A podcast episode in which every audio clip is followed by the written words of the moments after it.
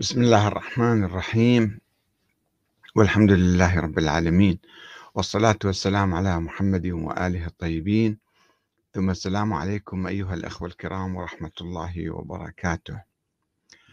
أه نتابع فيما يلي أه حلقات أه من كتاب استراتيجية الرسول الأعظم صلى الله عليه وآله وسلم في الدعوة للإسلام السيرة النبوية في ضوء القرآن الكريم. وهذه هي الحلقة الثالثة والعشرون الجزء الثاني الباب الأول المدخل. كيف أصبح محمد صلى الله عليه وآله نبيا؟ وما هي طبيعة الوحي النازل إليه؟ وهذا هو القسم الثاني من هذا المبحث. وقد نقلنا في الجزء الأول صور الوحي المختلفة النازلة إلى الأنبياء السابقين المذكورة في التوراة والتلمود والإنجيل والقرآن.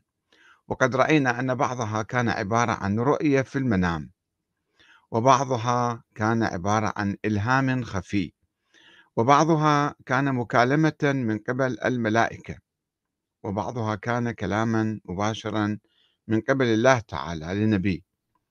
فكيف كانت طبيعة الوحي النازل إلى النبي محمد صلى الله عليه وآله وسلم؟ هل كانت وحيا خفيا أو رؤيا في المنام أو إلهاما أو مشافهة من قبل الملك جبرائيل أو كلاما مباشرا من الله تعالى؟ تحدثنا في القسم الأول عن مراحل النبوة حسب ابن إسحاق التاريخ الإسلامي يعني. وكيف كانت في البداية الرؤية الصادقة أولى مراحل النبوة وأشكالها ثم سماع الصوت ثم نزول الملك وبدء الوحي. ونتابع في هذا القسم ما تبقى من هذا الموضوع حول كيف أصبح النبي محمد نبيا. نتوقف عند موضوع الرعب والشك بما ينزل على النبي محمد. يواصل ابن إسحاق روايته لما وهو أول يعني أقدم مؤرخ وصل إلينا. يواصل ابن إسحاق روايته لما حدث بعد نزول النبي من غار حراء. فيقول تحت عنوان رسول الله صلى الله عليه وسلم يقص على خديجة ما كان من أمر جبريل معه. يقص على لسان النبي. وانصرفت راجعا إلى أهلي حتى أتيت خديجة فجلست إلى فخذها. فقالت يا أبا القاسم أين كنت؟ فوالله لقد بعثت رسلي في طلبك حتى بلغوا مكة ورجعوا لي. ثم حدثتها بالذي رأيت. فقالت أبشر يا ابن عم واثبت فوالذي نفس خديجة بيده إني لأرجو أن تكون نبي هذه الأمة.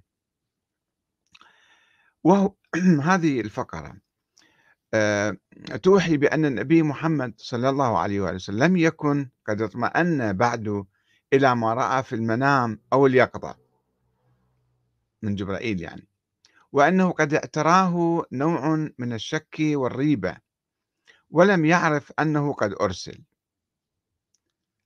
ثم يحكي ابن إسحاق الفصل التالي من الرواية فيقول تحت عنوان خديجة بين يدي ورقة تحدثه حديث رسول الله صلى الله عليه وسلم. ثم قامت فجمعت عليها ثيابها ثم انطلقت إلى ورقة ابن نوفل ابن أسد ابن عبد العزى ابن قصي وهو ابن عمها. وكان ورقة قد تنصر وقرأ الكتب وسمع من أهل التوراة والإنجيل. فأخبرته بما أخبرها به رسول الله صلى الله عليه وسلم أنه رأى وسمع.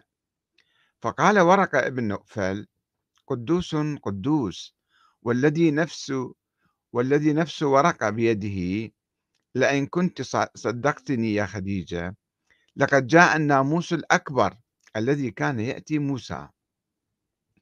وإنه يعني النبي محمد وإنه لنبي هذه الأمة. فقولي له فليثبت. فرجعت خديجة إلى رسول الله صلى الله عليه وسلم فأخبرته بقول ورقة ابن نوفل. فلما قضى رسول الله صلى الله عليه وسلم جواره وانصرف صنع كما كان يصنع بدأ بالكعبة فطاف بها. فلقيه ورقة ابن نوفل وهو يطوف بالكعبة. فقال يا ابن أخي أخبرني بما رأيت وسمعت. فأخبره رسول الله عفوا.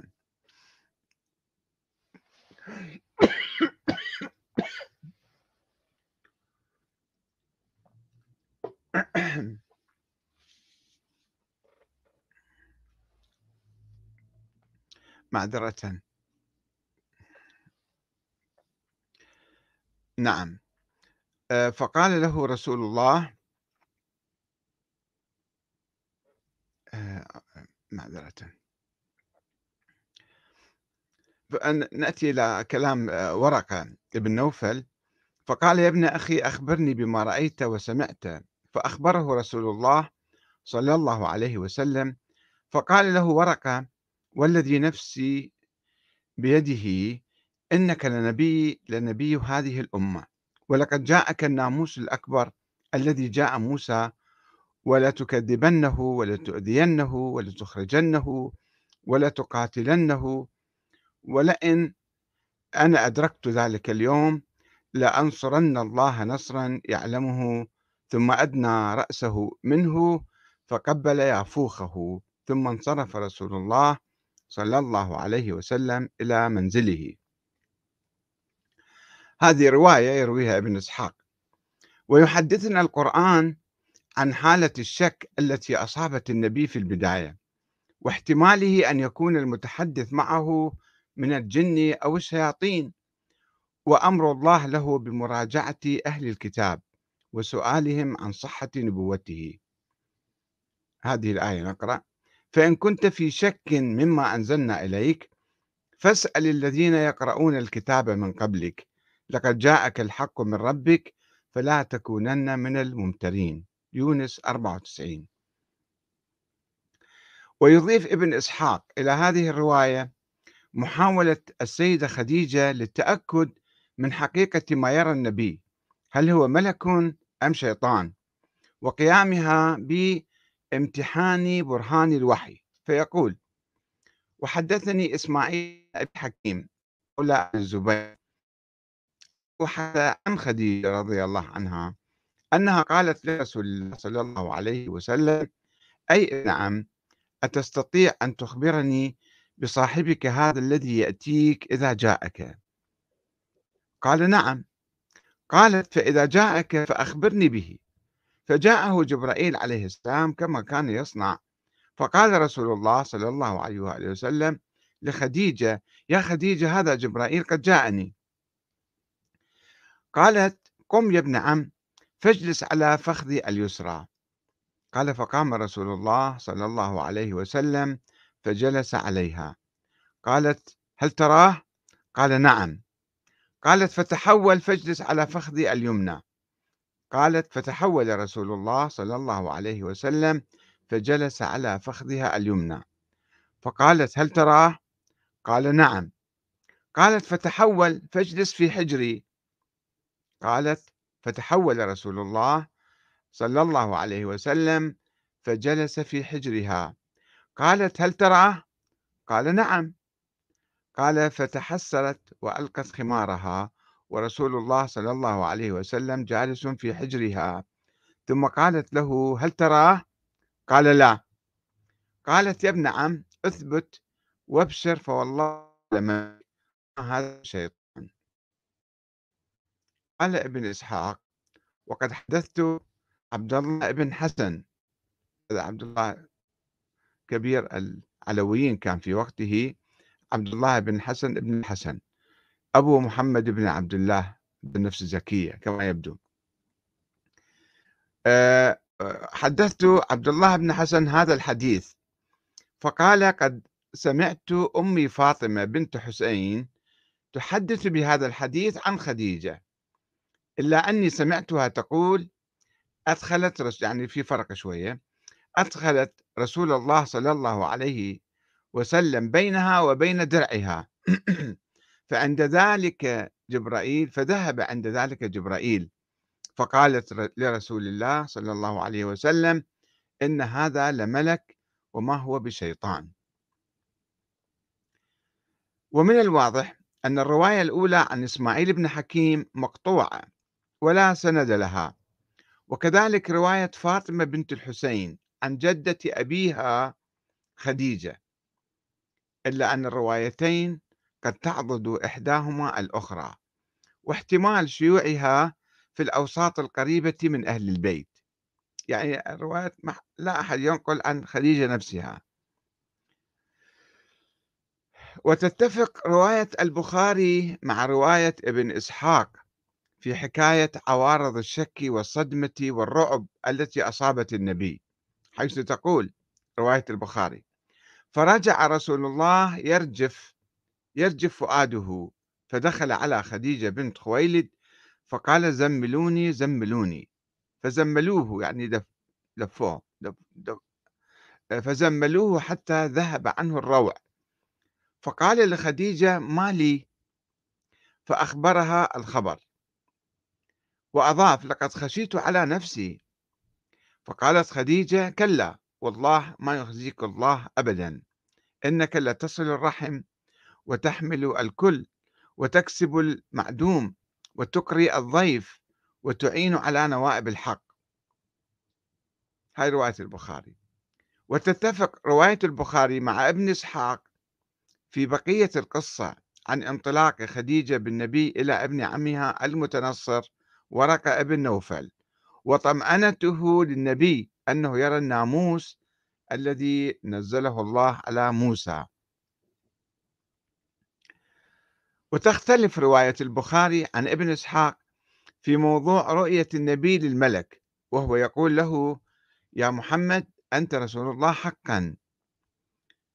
وتاريخ هذا المقطع أيضا في اختلاف فبينما يقول ابن إسحاق إنه كان مباشرة بعد استيقاظ النبي من النوم.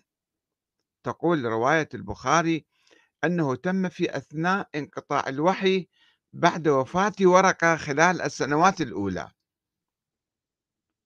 كما تختلف رواية ابن إسحاق في رؤية الملك على شكل رجل صاف قدميه على الأفق وبين روايات أخرى تقول إن الملك كان يغطي المشرق والمغرب. وما يهمنا من هذه الروايات هو كيفية نزول الوحي على النبي عبر الملك في اليقظة بالصوت والصورة أم في المنام على القلب كما تقول رواية ابن إسحاق والتي تتفق مع القرآن الكريم.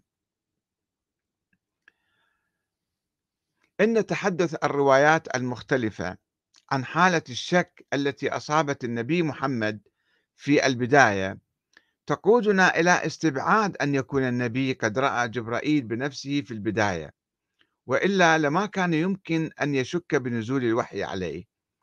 ولما كان بحاجة إلى سؤال ورقة بن نوفل ليؤكد له أنه نبي وأن ما رآه هو الناموس الذي نزله الله على موسى. وهو ما يؤكد سماع النبي للصوت فقط أو رؤية الملك في المنام وليس في اليقظة. وحسب ما نعرف من القرآن فإن أحد من الأنبياء لم يرتعب من سماع كلام الله أو رؤية الملائكة أو يشك بالوحي نازل إليه. ما عدا إبراهيم ولوط اللذين لم يعرفا الرسل الذين جاءوا لمعاقبة قوم لوط وأنكراهم في البداية لعدم تناولهم الطعام. فلماذا يرتعب النبي محمد من رؤية الملك أو سماع الصوت؟ أو يشك بحقيقة ما يرى ويسمع إلا أن يكون ذلك بطريقة خفية. ومما يؤكد أن الوحي في البداية لم يكن واضح المصدر أو بالصوت والصورة من الملك. رواية عائشة التي تقول أن رسول الله كان يسمع من يسلم عليه ولا يرى إلا الشجرة والحجارة وأن الوحي كان ينقطع عنه فيصاب بالإحباط والحزن الشديدين بحيث كان يفكر في الانتحار بإلقاء نفسه من فوق قمم الجبال. فكان يتبدى له جبرائيل ويقول له يا محمد إنك رسول الله حقا. إنك رسول الله حقا. فيهدأ ويتراجع ثم يعاود الكرة مرة أخرى. ورد في طبقات ابن سعد وتاريخ الطبري وبلاغات البخاري بعد وفاة ورقة ابن نوفل أن الوحي كان يتقطع فيصاب النبي بحالة إحباط وحزن شديدين حتى أنه يفكر في الانتحار بإلقاء نفسه من فوق قمم الجبال. لكنه كلما كان يصل لقمة جبل ليلقي نفسه كان يتبدى له جبرائيل ويقول له يا محمد إنك رسول الله حقا فيهدأ ويتراجع لكنه كان يكررها كلما انقطع الوحي.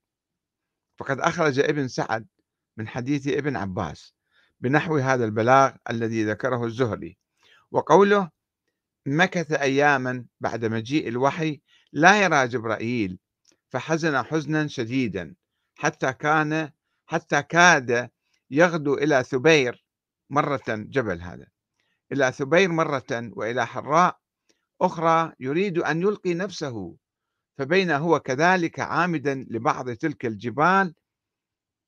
إذ سمع صوتا فوقف فزعا ثم رفع رأسه فإذا جبرائيل على كرسي بين السماء والأرض متربعا يقول يا محمد أنت رسول الله حقا وأنا جبرائيل.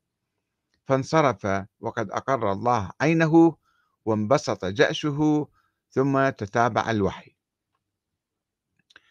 وأخرج الطبري من طريق النعمان ابن راشد عن ابن شهاب فذكر نحو حديث الباب وفيه فقال لي يا محمد أنت رسول الله حقا.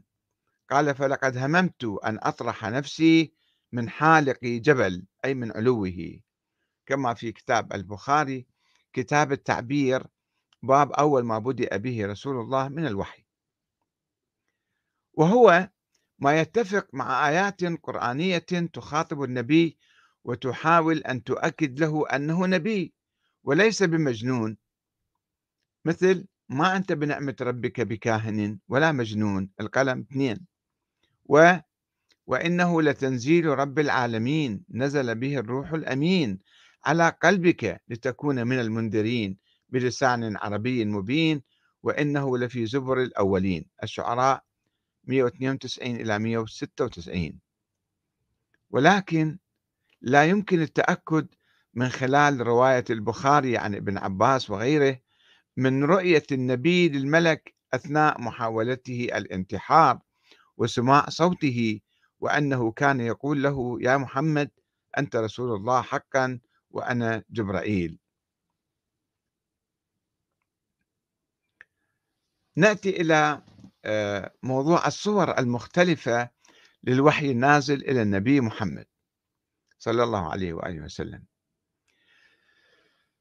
تفصل الأحاديث في طريقة تحدث الملك مع النبي بإلقاء الوحي على القلب أو بصورة مباشرة. كما في حديث النبي للحارث بن هشام عندما سأله يا رسول الله كيف يأتيك الوحي؟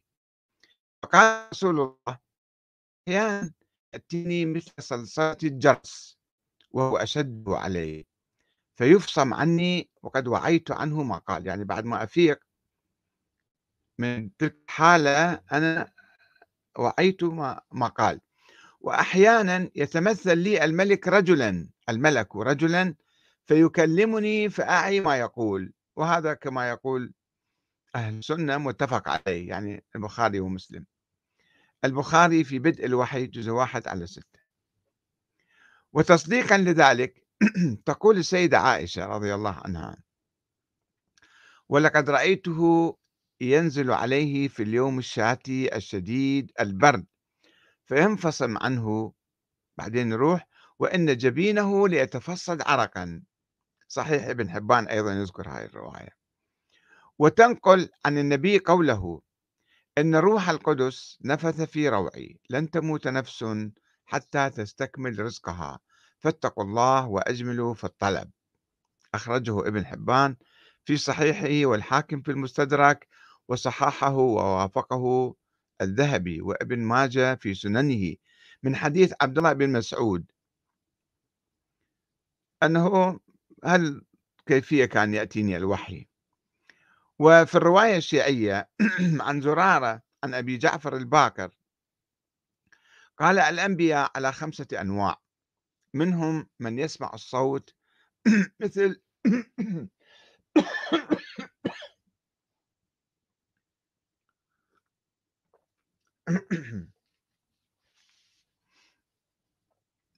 عفوا مرة أخرى معذرة.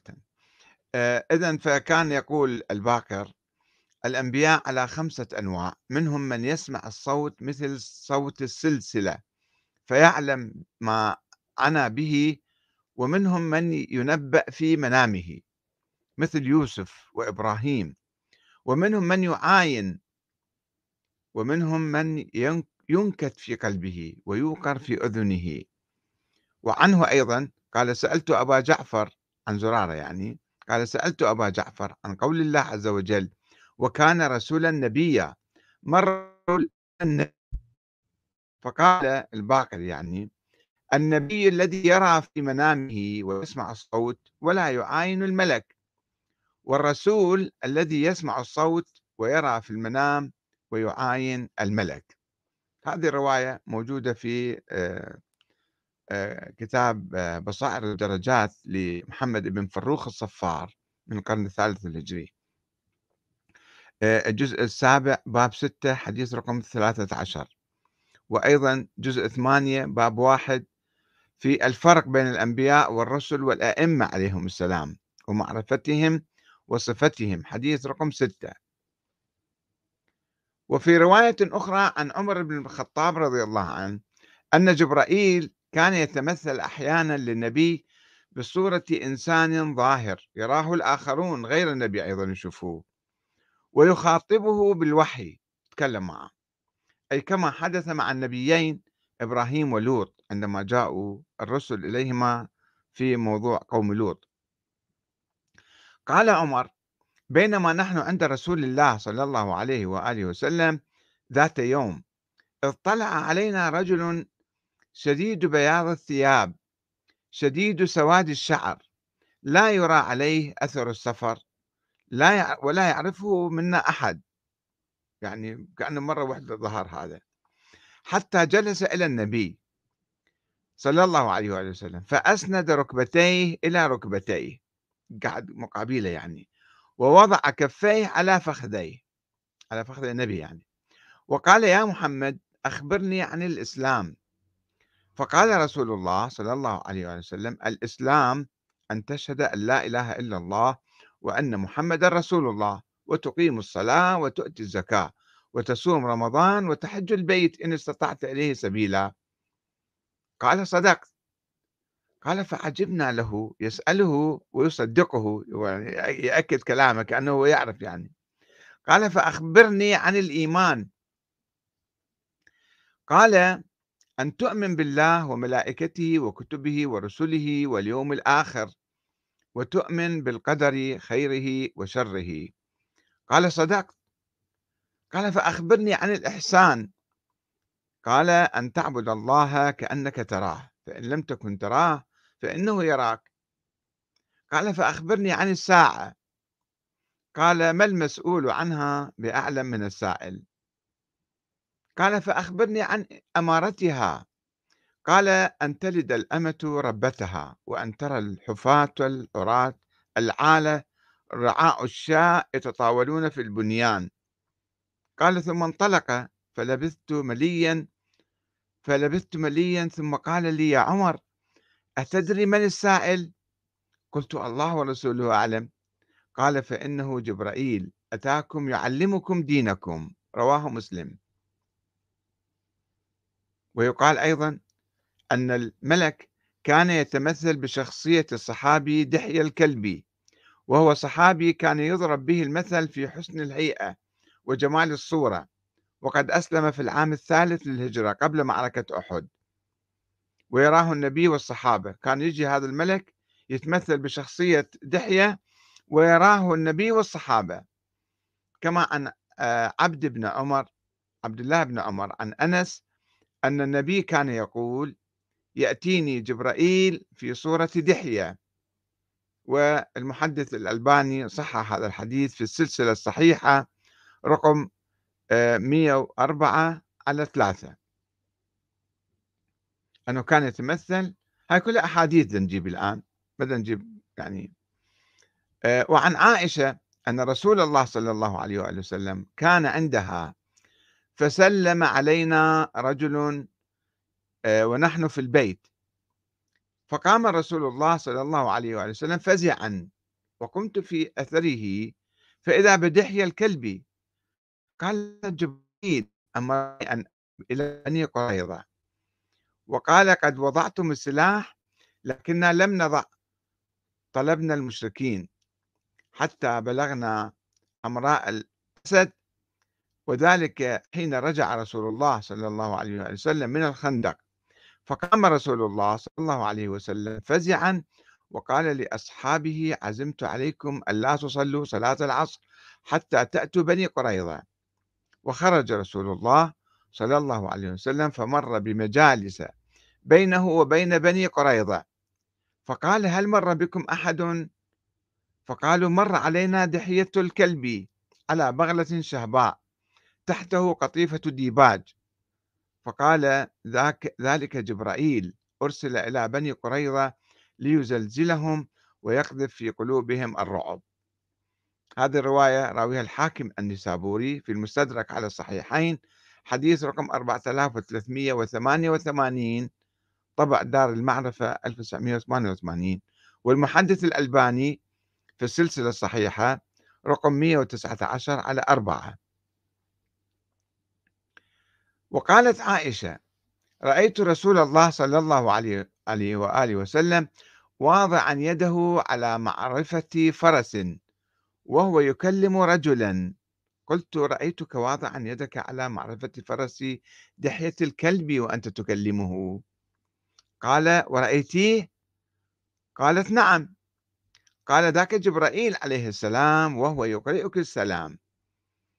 كما يؤكد ذلك المحدث الألباني في سلسلة الأحاديث الصحيحة رقم 105 على 3 وكما في رواية أم سلمة فيما نقله البخاري في باب علامات النبوة عن أبي عثمان قال أنبئت أن جبرائيل عليه السلام أتى النبي صلى الله عليه وآله وسلم وعنده أم سلمة فجعل يحدث ثم قام فقال النبي صلى الله عليه وآله وسلم لأم سلمة من هذا؟ أو كما قال يعني عرفتي أو لا قالت قال قالت هذا دحية. قالت أم سلمة أيم الله ما حسبته إلا إياه. يعني هو دحية يعني. حتى سمعت خطبة نبي الله خطبة نبي الله يخبر جبرائيل. أو كما قال. قال فقلت لأبي عثمان ممن سمعت هذا هذا الراوي ينقل عن أبي عثمان يقول ممن سمعت هذا؟ قال من أسامة ابن زيد كما في البخاري جزء أربعة صفحة 250 وما رواه البخاري أيضا في كتاب الإيمان باب سؤال جبرائيل النبي عن الإيمان والإسلام والإحسان الرواية اللي قرأناها قبل قليل عن أبي هريرة. قال كان النبي بارزا يوما للناس فأتاه جبرائيل فقال ما الإيمان؟ إلى أن يقول ثم أدبر فقال ردوه فلم يروا شيئا فقال هذا جبرائيل جاء يعلم الناس دينهم البخاري جزء واحد صفحة عشرين. وهناك روايات أخرى تتحدث عن رؤية النبي للجن والشياطين. واستماعه إلى أحاديثهم كما يروي الإمام أحمد بن حنبل عن رسول الله صلى الله عليه وسلم أنه قال ما منكم من أحد إلا وقد وكل به قرينه من الجن. قالوا وإياك يا رسول الله؟ قال وإياي إلا أن الله أعانني عليه فأسلم فلا يأمرني إلا بخير. أخرجه أحمد في رقم 3647 و 3778 و3801 و 4833 طبعة المكتب الإسلامي. وأخرجه مسلم جزء 8 آه، على 139 عن ابن مسعود. وفي رواية أخرى للبخاري ومسلم أن الله تعالى مكن نبيه من إبليس حتى كاد أن يخنقه وهم أن يربطه بسارية من سواري مسجد المدينة. كما يقول البخاري في جزء 3 على 62 بشرح ابن حجر ومسلم جزء 2 على 72 وغيرهما. وقد روى البخاري عن أبي هريرة أنه رأى شيطانا يسرق من أموال الزكاة التي كلف بحفظها فأراد أن يعتقله. أبو هريرة يعتقل الشيطان. فعلمه تعويذة وقال له إذا أويت إلى فراشك فاقرأ آية الكرسي. الله لا إله إلا هو الحي القيوم. حتى تختم الآية. فإنك لن يزال عليك من الله حافظ ولا يقربنك شيطان حتى تصبح. ولكن لا يمكن الاعتماد تماما على رواية أبي هريرة الذي يعترف فيها نفس الرواية هذه أنه خالف أوامر النبي ثلاث مرات. والنبي قال أحفظ هذه الأمانة يعني هو ما حفظها. هذا كما رواه البخاري. ولكن كل هالأخبار اللي قرأناها لكم هي أخبار آحاد لا يمكن أن تفيدنا علما. وما ورد في القرآن عن نزول الملائكة لا يتحدث عن رؤية النبي ولا أحد من المسلمين للملائكة. حيث تقول إحدى الآيات إذ تقول للمؤمنين ألن يكفيكم أن يمدكم ربكم بثلاثة آلاف من الملائكة منزلين؟ بلى إن تصبروا وتتقوا ويأتوكم من فورهم. هذا يمددكم بخمسة آلاف من الملائكة مسومين. آل عمران 124 إلى 125 وفي سورة الأنفال إذ تستغيثون ربكم فاستجاب لكم أني ممدكم بألف من الملائكة مردفين وما جعله الله إلا بشرى. ولتطمئن به قلوبكم وما النصر إلا من عند الله إن الله عزيز حكيم. الأنفال تسعة إلى عشرة. وأيضا إذ يوحي ربك إلى الملائكة أني معكم فثبتوا الذين آمنوا. سألقي في قلوب الذين كفروا الرعب. فاضربوا فوق الأعناق واضربوا منهم كل بنان. الأنفال 12 وهذه الآيات إخبار من الله للنبي بنزول الملائكة. ولكن الطبري يروي عن ابن عباس عن رجل من بني غفار المشركين. وقت كان مشرك يعني. أنهم رأوا الملائكة في سحابة وسمعوا حمحمة الملائكة وسمعوا قائلا يقول أقدم حيزوم كما يقول الطبري في حديث رقم 7749 يعني أحاديث لا يمكن الاعتماد عليها كثيرا في الحقيقة.